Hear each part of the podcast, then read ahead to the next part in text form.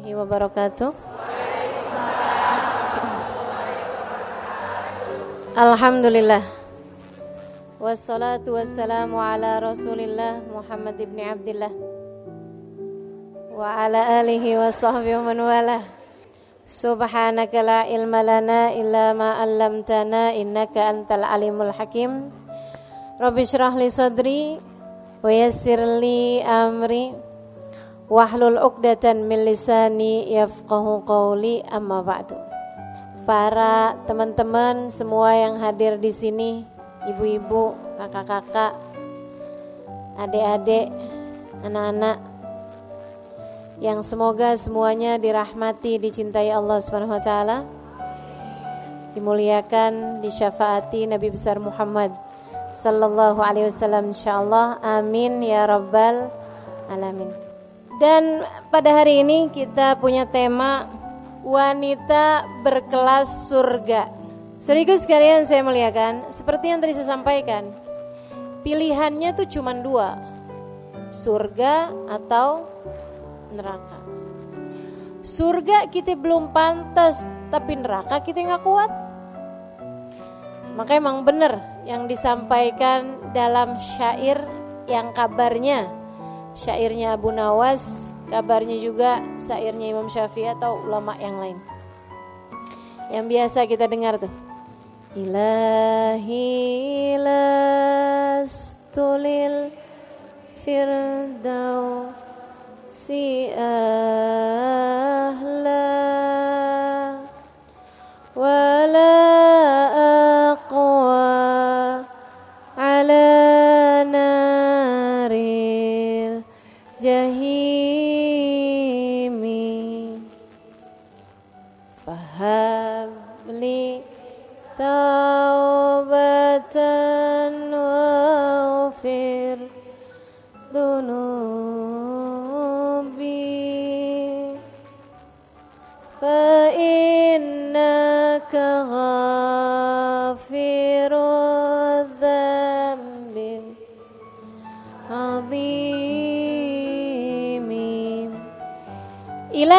lastulil firdausi ahla. Ya Allah belum pantas diri ini masuk surga.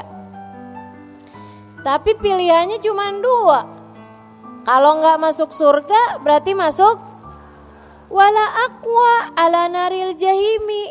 Tapi suruh masuk neraka juga kita nggak kuat ya Allah. Fahabli taubatan Waghfir dunubi yang bikin kita nggak pantas masuk ke dalam surga ini karena dosa-dosa kan? Dosa-dosa bikin orang pantasnya masuk neraka. Kalau gitu fahabli taubatan. Ya Allah karuniakanlah kepada kami taubat. Waghfir dunubi. Ampunkan segenap dosa-dosaku. Fa innaka ghafirud dzambil azimi. Sebab meski dosaku besar bukankah engkau adalah Tuhan pengampun dosa-dosa besar. Saudaraku sekalian saya muliakan, karenanya kita minta sama Allah ya Allah, biar kata belum pantas, dipantes-pantesin apa ya Allah. Walaupun belum kelasnya masuk surga, di kelas-kelasin anak bawang nggak apa-apa ya Allah. Nah ini kita minta sama Allah Subhanahu wa taala masukin ke dalam surga ya Allah walaupun belum kelasnya anak bawang nggak apa-apa deh. Nyelip di pojokan nggak apa-apa deh. Nggak dikasih rapot nggak apa-apa deh. Yang penting itu masuk surga. Soalnya pilihannya susah banget. Nggak surga neraka ya Allah, nggak deh neraka mah. Neraka tuh jangan pernah dijadikan pilihan, nggak bakalan tahan. Allah yang nyiptainnya aja bilang, "Fama asbarahum 'alan nar." Coba sih mau lihat gimana kamu sabarnya dari neraka. Gak bakalan sabar, gak bakalan tahan, gak bakalan kuat. Teman-teman saya sekalian, kabarnya siksaan terkecil di neraka dipakein sendal. Sendalnya dari api dipakai mendiri ke mendidih ke ubun-ubunnya. Itu siksaan terkecil di neraka. Kita nggak mau nih makanya neraka tuh mampir aja jangan. Transit nih cuman bentaran gitu. Jangan. Ngeri teman-teman saya sekalian. Sehari deh sehari. Waduh boro-boro sehari. Sejam kita nggak mau. Nah seharinya inna yauman inda rabbika ka alfi sanatin mimma ta'udun. Sesungguhnya satu hari di hari akhirat nanti setara seribu tahun kalian waktu di dunia. Nggak pakai deh, nggak pakai sehari, nggak pakai sejam, nggak pakai semenit. Kami bahkan meminta kepada Allah. Kita bahkan meminta kepada Allah agar bisa masuk surga dan melewati nerakanya secepat kilat insya amin ya robbal nah terus gimana nih biar kita nih bisa masuk surga berdasar dengan apa yang sudah selama ini kita tahu dari para ulama syaratnya masuk surga itu empat iman amal takwa cinta ada empat tuh teman-teman sekalian yang pertama iman itu kayak daftar. Kita kalau mau pendaftaran kan ada pertanyaannya tuh. Nah, nih. Ini pendaftaran nih. Ruang lobi. Mau masuk ke surga ada daftarnya. Daftarnya pakai apa? Iman. Kalau kamu nggak punya imannya, nggak tembus pendaftaran. Imannya kepada siapa? La ilaha illallah Muhammad Rasulullah Dua kalimat syahadat tidak terpisahkan Makanya sampai-sampai ada tuh saya pernah dengerin seorang ulama menyampaikan Kalau kamu cinta sama seseorang gak mau pisah sama dia Kalau lagi pisah ucapkan La ilaha illallah dia ucapkan Muhammad Rasulullah. Suami istri Misalnya gitu ya. Suami mau pergi ke mana? Kita ngarepin mudah-mudahan baliknya ke rumah kita Jangan ke pintu orang Kita bilang La ilaha illallah Dia bilang Muhammad Rasulullah. Ah insya Allah Kenapa gitu? Insya Allah balik nyatu kembali. Kenapa? Sebab kalimat La ilaha illallah dengan Muhammad Rasulullah itu tidak terpisahkan. Gitu. Boleh diamalin nih Ustazah silakan aja. Habis ini mendadak-dadak semua orang ngomong sama saya la ilaha illallah Ustazah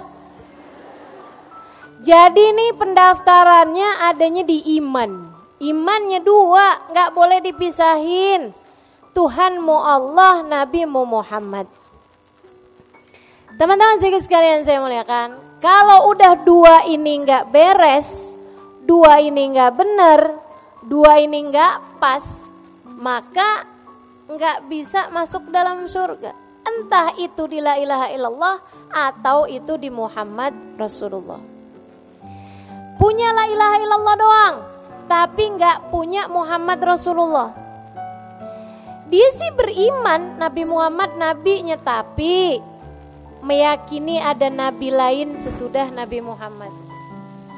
Namanya Mirza Ghulam Ahmad dari India.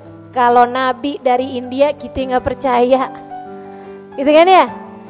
Nah, ini ada nabi. Oh, terkenal agamanya. Namanya Ahmadiyah. Orang-orang yang imannya Nabi Muhammad diakuin sebagai nabi, tapi sesudah Nabi Muhammad ada nabi lain lagi. Namanya Mirza Ghulam Ahmad. Wah, ini bukan nih. Dia nih nggak lolos masuk di pendaftaran.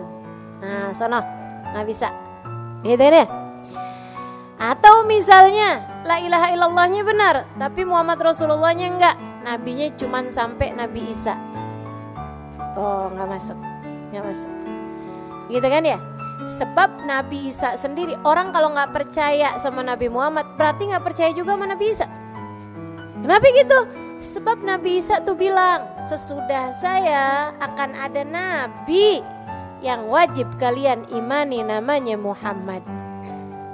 Kata Allah dalam Al-Quran, wa mubashiran birosulin ya'ti min ba'di ismuhu Ahmad. Aku ini kata Nabi Isa, selain daripada menghidupkan orang mati, aku punya mukjizat. Selain daripada terutus menyampaikan risalah, kepada kalian semuanya, aku juga adalah seorang nabi yang diminta memberi kabar gembira bahwasanya sesudah aku nanti ratusan tahun sesudahku akan ada seorang nabi yang terutus namanya Muhammad di bumi di langit terkenal dengan nama Ahmad. Jadi kalau nggak percaya sama Nabi Muhammad berarti nggak percaya juga dong sama Nabi Isa. Sebab Nabi Isa memberikan kabar gembira tentang Nabi Muhammad. Jadi teman-teman saya sekalian, nih syarat imannya la ilaha illallah tambah Muhammad Kalau nggak beriman sama Nabi Muhammad atau atau percaya sih menabi tapi tidak memuliakan Nabi. Nah, ini juga nih masalahnya. Tidak memuliakan Nabi. Nabi ya manusia biasa deh gitu. Nabi bisa bikin salah. Nabi bisa dikuasai hawa nafsu. Ah, nih. Yang begini nih. Bermasalah sama imannya teman-teman sekalian. Makanya dicerita pernah dikisahkan oleh guru saya, Sayyidil Habib Umar bin Hafid. Ada orang tinggal di Madinah tiap hari sholat di Masjid Nabawi subuh, duhur, asar, maghrib, isya kalau dia lagi ada di Madinah, sholatnya di Masjid Nabawi. Rumahnya deketan dari situ. Sesudah dia tua, usia 60-an tahun ke belakang, meninggal dunia. Dikuburin, dibaki, disolatin di Nabawi sebelumnya. Waktu dikuburin, tiap kali jenazahnya dihadap ke arah kiblat, ngebalik nggak mau ngadep ke arah kiblat. Dikuburin lagi, balikin lagi, dihadepin ke arah kiblat, ngebalik lagi, diganjel, pakai kayu ngebalik me kayu-kayunya. Diganjel me batu ngebalik me batu-batunya. Ditanyakan kepada para ulama zaman tersebut mereka mengatakan ma arada rabbukum illa hadza faf'alu. Ya udah emang Allah maunya gitu biarin aja. Jadilah dia jenazahnya menghadap membelakangi kiblat. Syekh kalau kayak gini nih kenapa? Katanya warga masyarakat. Syekhnya bilang berarti tidak mukmin di hadapan Allah. Tidak muslim di hadapan Allah. Kenapa Syekh? Nah tuh saya nggak ngerti. Silahkan tanya kepada keluarganya. Tanyain kepada istrinya. Istrinya bilang, waduh laki saya tuh bagus. Sholatnya benar. Amal dia punya. Dia bilang orangnya baik, sama keluarga baik, nggak pernah ninggal, jauh dari dosa-dosa Ghaira annahu hanya aja ada sebabnya saya rasa. Dia bilang tiap hari ngiter-ngiter di Masjid Nabawi, sholat tiap waktu di Masjid Nabawi, tidak pernah sekalipun berziarah ke makam Nabi Muhammad. Enggak punya cinta kepada Nabi, enggak punya Muhammadur Rasulullah yang mendarah daging dalam hatinya. Dia kira Nabi hanyalah seorang penyampai wahyu Tuhan yang tidak perlu dicinta, tidak perlu dihormat. Dia hanya condong kepada la ilaha illallah, tidak kepada Muhammad Rasulullah. Banyak nih, sekarang-sekarang tambah banyak memiliki kecondongan hanya kepada la ilaha illallah, tidak kepada Muhammad Rasulullah. Kalau udah urusannya cinta menabi di bid'ah-bid'ahin seada-adanya Orang bersuka cita, bersolawat, memuji-muji Nabi, dia yang nggak terima. Dikata kalian berlebih-lebihan sama Nabi Muhammad. Merayakan maulid Nabi, nggak ada dalilnya tuh. Ngerayain maulid dia sendiri, agak dicari dalil. Teman-teman seikus sekalian saya muliakan, ah ini berbahaya. Karena hanya condong kepada la ilaha illallah, tidak kepada Muhammad Rasulullah kita hormat kepada Nabi Muhammad. Kita iman kepada Nabi Muhammad, kita cinta kepada Nabi Muhammad sama halnya dengan kita iman kepada Allah, kita hormat kepada Allah dan kita pun tentu saja cinta kepada Allah.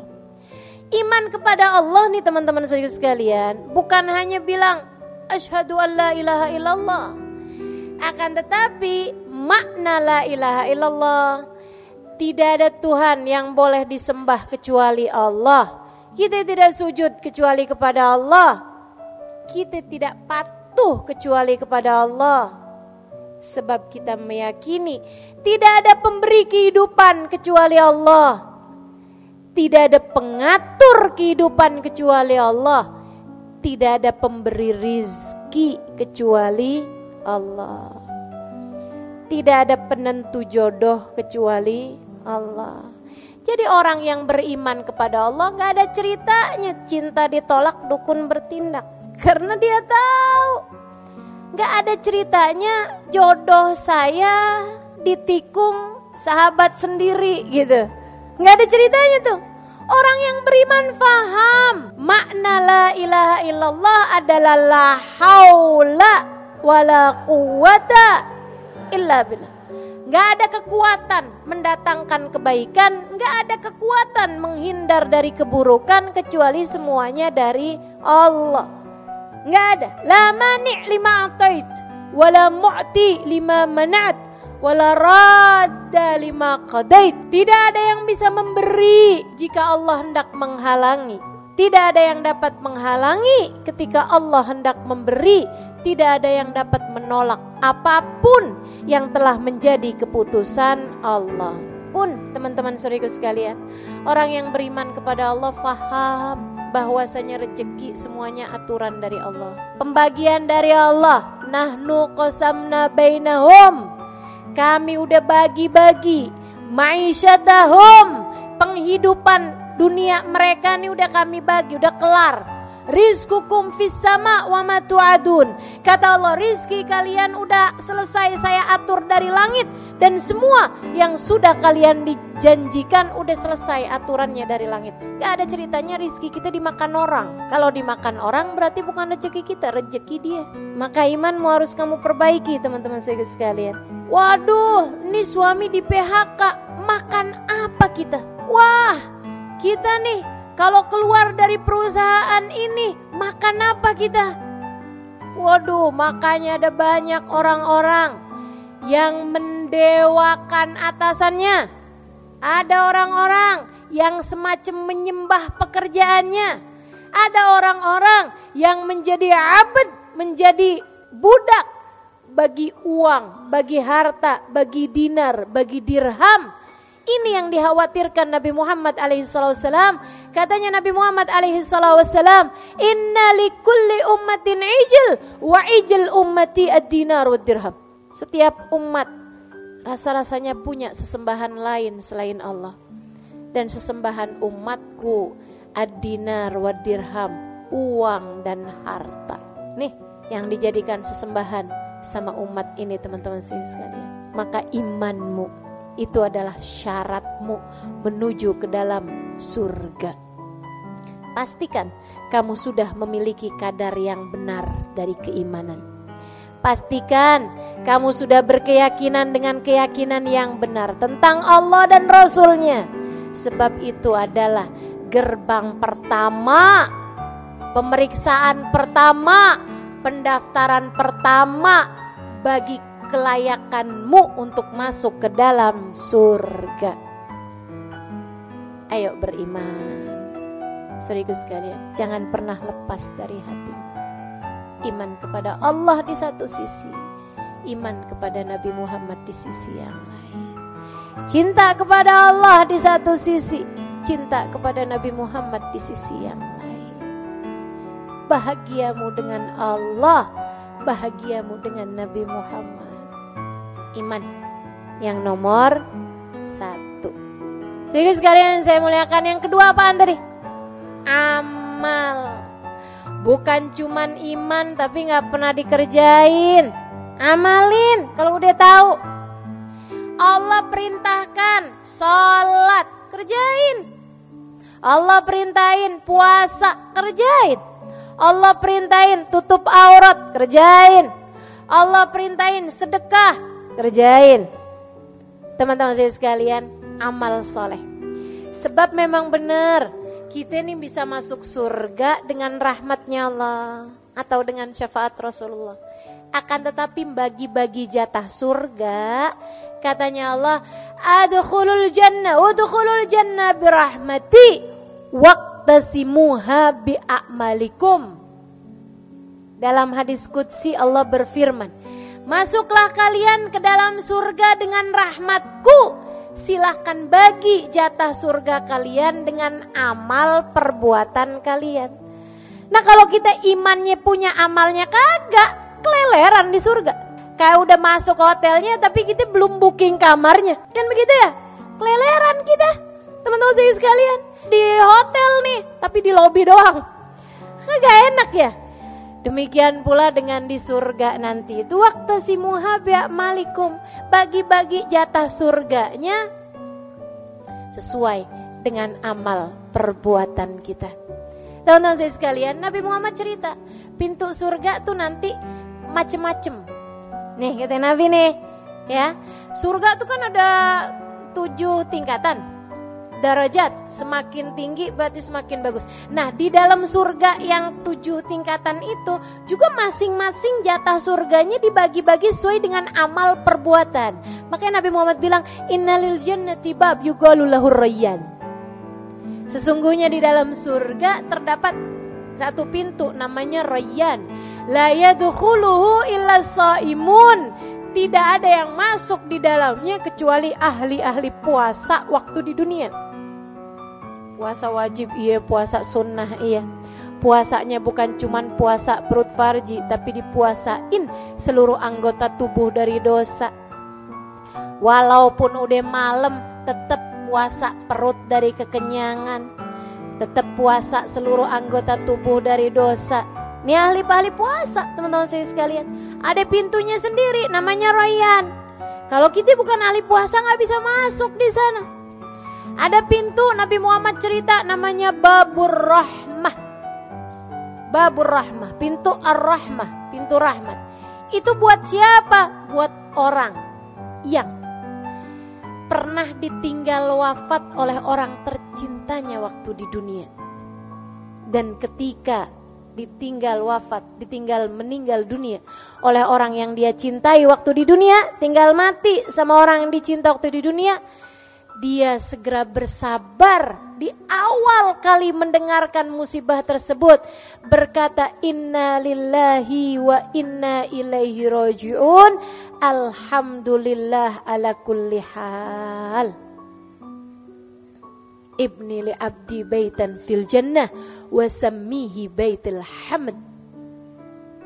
Katanya Nabi Muhammad alaihi Allah berfirman hambaku Wahai malaikatku bangunkan untuk hambaku sebuah rumah di surga. Kasih nama rumah tersebut Baitul Hamad. Rumahnya orang yang pandai berterima kasih kepada Allah. Kekasihnya meninggal, dia tetap berterima kasih juga kepada Allah. Karena dia faham apa pun yang terjadi adalah yang paling baik yang Allah berikan pada hambanya. Masya Allah. Jadi teman-teman saya sekalian ada pintunya sabar. Ada pintu buat ulama. Ada pintu buat orang-orang ahli dakwah fillah. Ada pintu buat anak yang berbakti kepada orang tua. Ada pintu buat orang-orang ahli jihad visabilillah. Ada pintu buat para pembaca Al-Quran dan pengamal Al-Quran. Ada pintu-pintunya teman-teman saya sekalian. Dan buat istri yang solehah yang dia bakti kepada suaminya, bikin ridho suaminya, sampai suaminya merasa bahwa hidupnya seperti berada di surga bersama dengan istrinya yang soleha tersebut. Teman-teman saya sekalian yang saya muliakan, dia junjung, dia muliakan suaminya. Jadi istri yang benar-benar mampu membahagiakan suaminya. Kalau meninggal dunia boleh pilih pintu surga mana pun yang dia inginkan. Bebas, kamu bebas milih pintu surga mana pun yang kamu inginkan. Masya Allah. Bu, para istri, ini kita bisa masuk surga jalur pintu khusus nih. Boleh milih teman-teman saya sekalian. Ayo mamratin salat farda, samat syara, wa ta'at zawjaha, faltadkhulil jannah min ayyi babin sya'at. Kalau ada seorang istri, dia benar sholatnya, fardunya, dia benar puasa Ramadannya. Yang bolong-bolong ditambalin sesudahnya karena dia mens, karena dia nifas, dia bayar sesudah bulan Ramadannya. Dia nggak punya puasa sunnah banyak-banyak, dia nggak punya sholat sunnah banyak-banyak, tapi dia punya amal ibadah berupa menyenangkan suaminya sampai suaminya ridho kepada dia. Nanti kelak kalau masuk surga boleh milih pintu surga mana pun yang dia inginkan. Kata Nabi Muhammad alaihissalam. Tapi emang ya, nih kalau belum kawin sih belum tahu rasanya.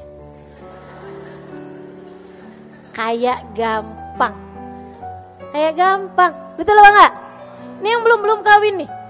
Saya pengen kawin ah, biar bisa masuk surga dari jalur pintu khusus. Yang belum kawin. Yang udah pada kawin nih, ya Allah kayak kagak bisa dah lewat pintu yang nono. Ternyata jadi istri bukan main-main. Bener-bener itu ya. Ya Allah, ya Allah. Emang suami ini emang bener-bener pintu surga, teman-teman sekalian. Emang bener-bener jalan surga, beneran dah. Dan karena surga itu mahal, emang susah Susah mau masuk dari jalur yang ini nih sampai mikirnya kayak begini. Jalur lain aja dah. Ya Allah. Dah para istri ya. Kalau suamimu lagi nyenengin, emang jalan surga mah enak. Gitu. Kalau suamimu lagi rada nyebelin, emang jalan surga mah berat gitu. Tapi biar kata berat kita jalanin, ya enggak? Hadiahnya surga, teman-teman saya sekalian. Jadi kalau lagi kesel-kesel sama suami, ingetin diri aja surga. Surga. Suami lagi marah-marah, kita senyum aja bayangin surga. Surga gitu. Gak apa-apa. Suami lagi ada nyebutin nama salah satu yang ada di kebun binatang. Biarin dia aja surga. Surga. Saya nggak mau balas. Saya nggak mau. Insya Perlu amal soleh teman-teman saya sekalian. Perlu amal soleh. Sampai-sampai nih waktu Nabi Muhammad cerita kayak begitu. Ada sahabat nanya. Nabi Muhammad tuh cerita, jadi kamu kalau masuk surga, tuh yang namamu ada di pintu situ bakal memanggilmu. Tenang, kamu nggak usah susah-susah tuh nyari nama kita ada di mana. Nggak usah. Nggak usah teman-teman. Begitu kita masuk surga, pintu yang ada nama kita di situ bakal manggil.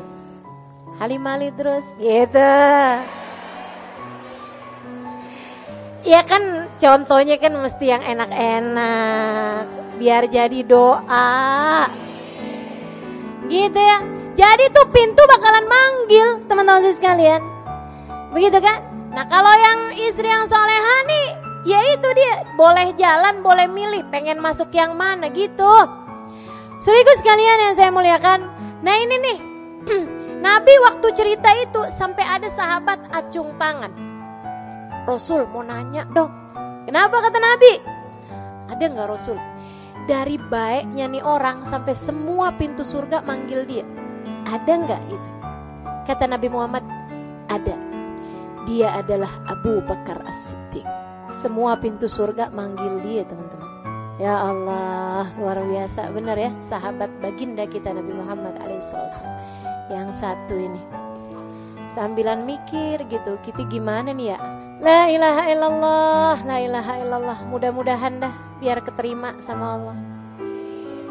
Biar dirahmati sama Allah. Biar disayangi sama Rasulullah. Kali-kali gitu dicariin. Ya enggak? Amin ya rabbal Baik tuh. Satu tadi apa? Dua. Hmm. Pastikan ada yang bisa kita andelin. Pastikan bahwa amal ibadah kita itu juga ada yang bikin kita jadi pantas masuk surga. Sabar-sabarin teman-teman saya sekalian.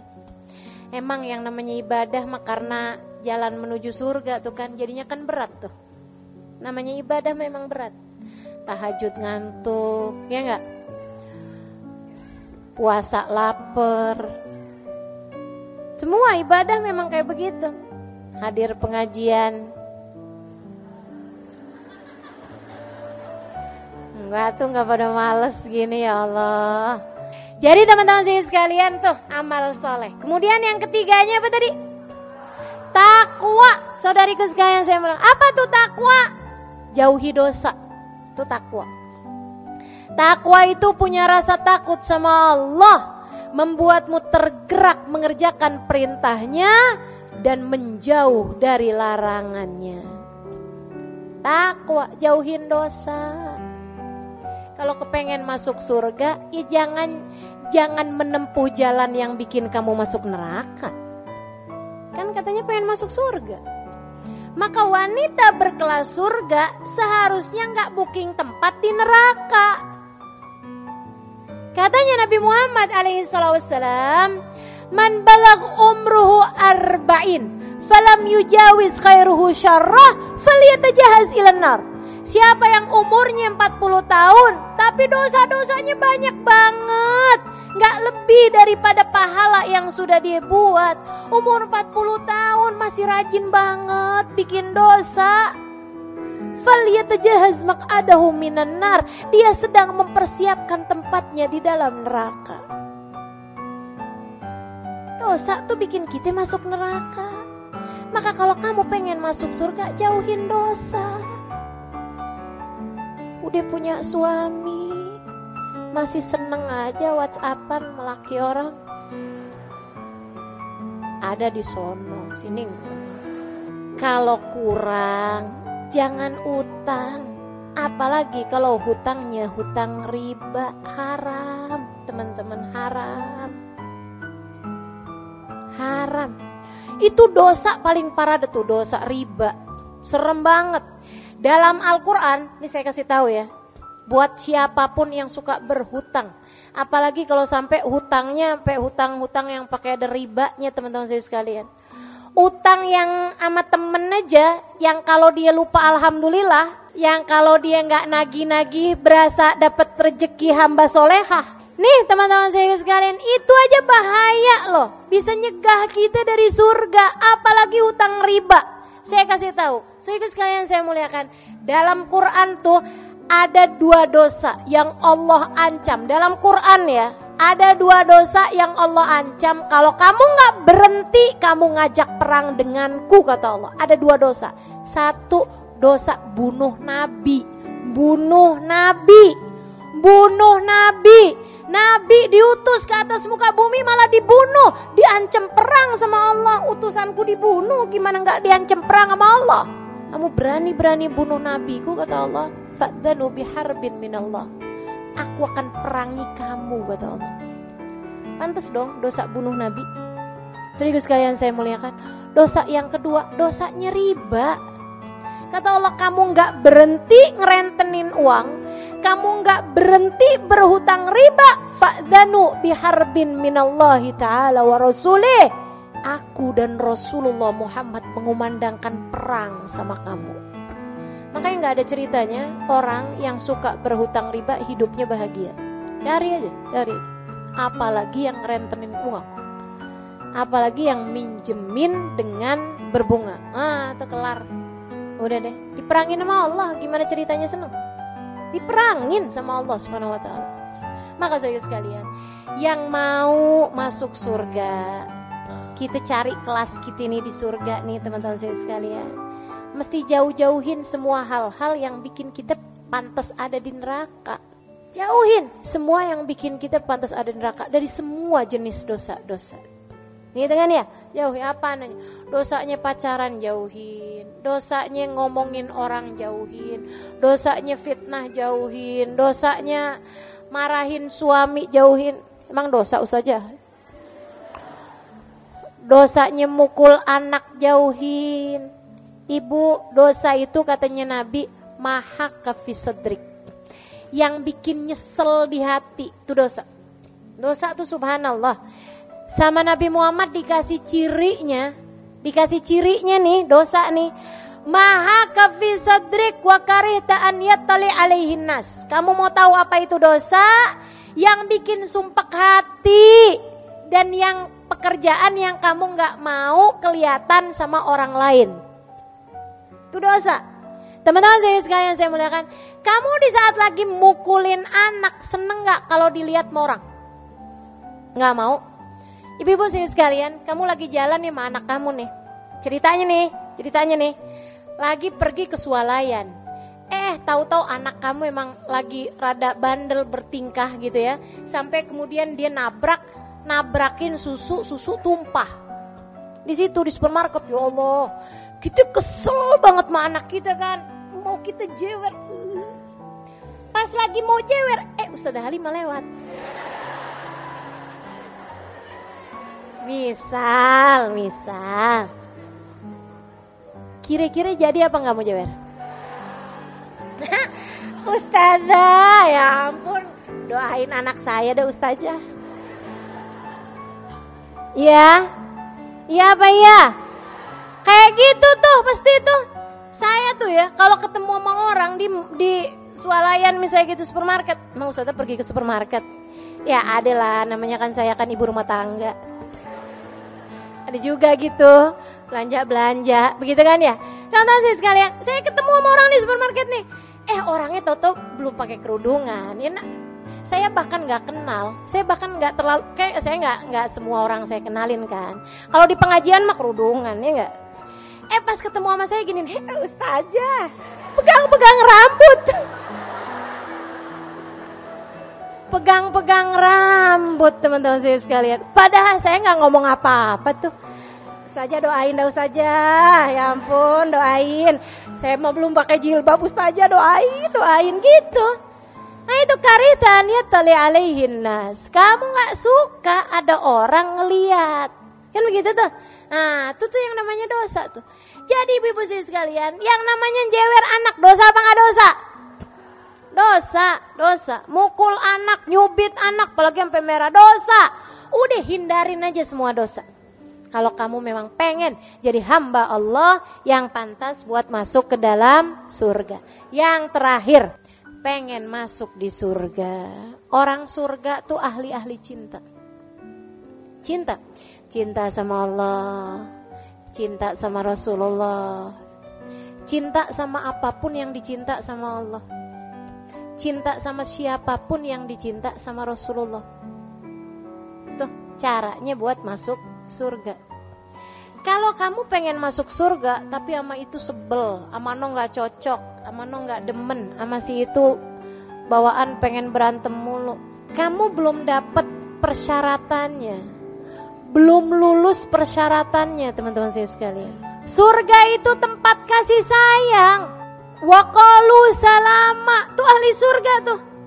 Kalu salama, mereka selalu hanya akan berkata salam, damai, bahagia, senang, gitu. Ketemu senyum tuh ahli surga. Saudara sekalian saya muliakan, kata Nabi Muhammad, Innakum lan jannah hatta tu'minu.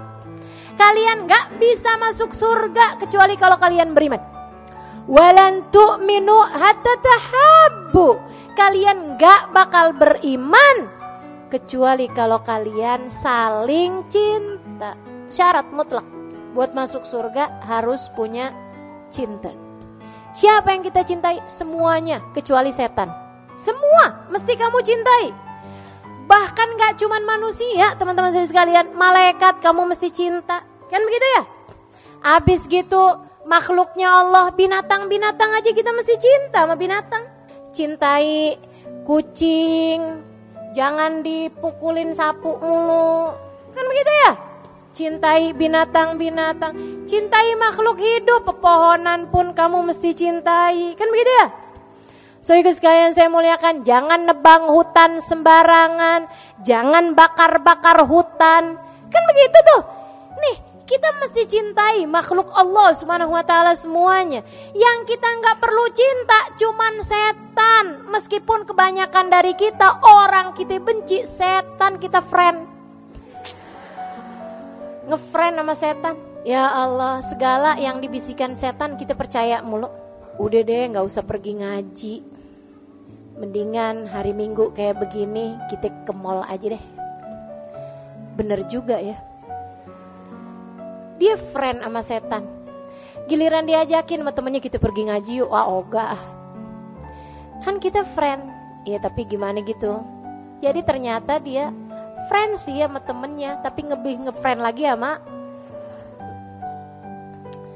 Tuh teman-teman saya sekalian, kamu mesti berhias cinta. Cintai, cintai semua orang. Cintai siapa pun teman-teman saya sekalian. Cintai, cintai suamimu lebih daripada cintamu kepada siapa pun. Laki-laki. Cintai kedua orang tuamu lebih daripada cintamu kepada siapa pun. Cintai anak-anakmu. Ia akan dapat menjadi keterusanmu, ke kelanjutan ibadahmu ketika kamu sudah meninggal dunia nanti. Cintai guru-gurumu. Kalau tidak karena mereka, kamu tidak mengerti jalan menuju surga. Cintai orang-orang di sekelilingmu. Mereka adalah saksi-saksimu di atas muka bumi ini saksi-saksi kita di atas muka bumi ini. Baik yang kamu lakukan kepada mereka, maka akan baik pula lah penyaksian mereka untukmu di hari akhirat nanti. Jelek yang kamu lakukan kepada mereka, maka akan direpotkan kamu dengan penyaksian keburukan-keburukanmu kelak di hari akhirat nanti. Maka teman-teman saudara sekalian, syarat menuju surgamu ada empat laksanakanlah itu dalam kehidupanmu. Miliki iman yang dapat membuatmu faham tidak ada sesuatu terjadi kecuali dengan izin Allah dan bahwa manusia yang seharusnya kamu ikuti jalannya di atas muka bumi ini, kamu hormati lebih daripada siapa pun. Imam bagi kehidupanmu adalah bagindamu Nabi besar Muhammad sallallahu alaihi wa ala alihi wasallam. Kemudian yang kedua, milikilah amal soleh, amal perbuatan, bergegaslah fastabikul khairat, lakukan amal-amal ibadah. Salah satunya adalah berusaha untuk bangun sebelum subuh dan mengerjakan tahajudmu teman-teman saudariku sekalian, sebab itu adalah waktu intim antaramu dengan Allah Subhanahu wa taala. Kemudian yang ketiganya takwa. Jauhilah perbuatan-perbuatan dosa. Ia akan dapat menarikmu menuju neraka. Dan yang terakhir, cintailah semua hamba-hamba Allah Subhanahu wa taala wabil khusus cintailah umat Nabi besar Muhammad sallallahu alaihi wasallam yang kamu berharap kelak beramai-ramai masuk ke dalam surga Allah bersama dengan mereka semua. Rabbana zalamna anfusana wa illam taghfir lana wa tarhamna lanakunanna minal khasirin. Rabbana atina fid dunya hasanah wa fil akhirati hasanah wa qina adzabannar. Da'wahum fiha subhanakallahumma wa tahiyatum fiha rabbil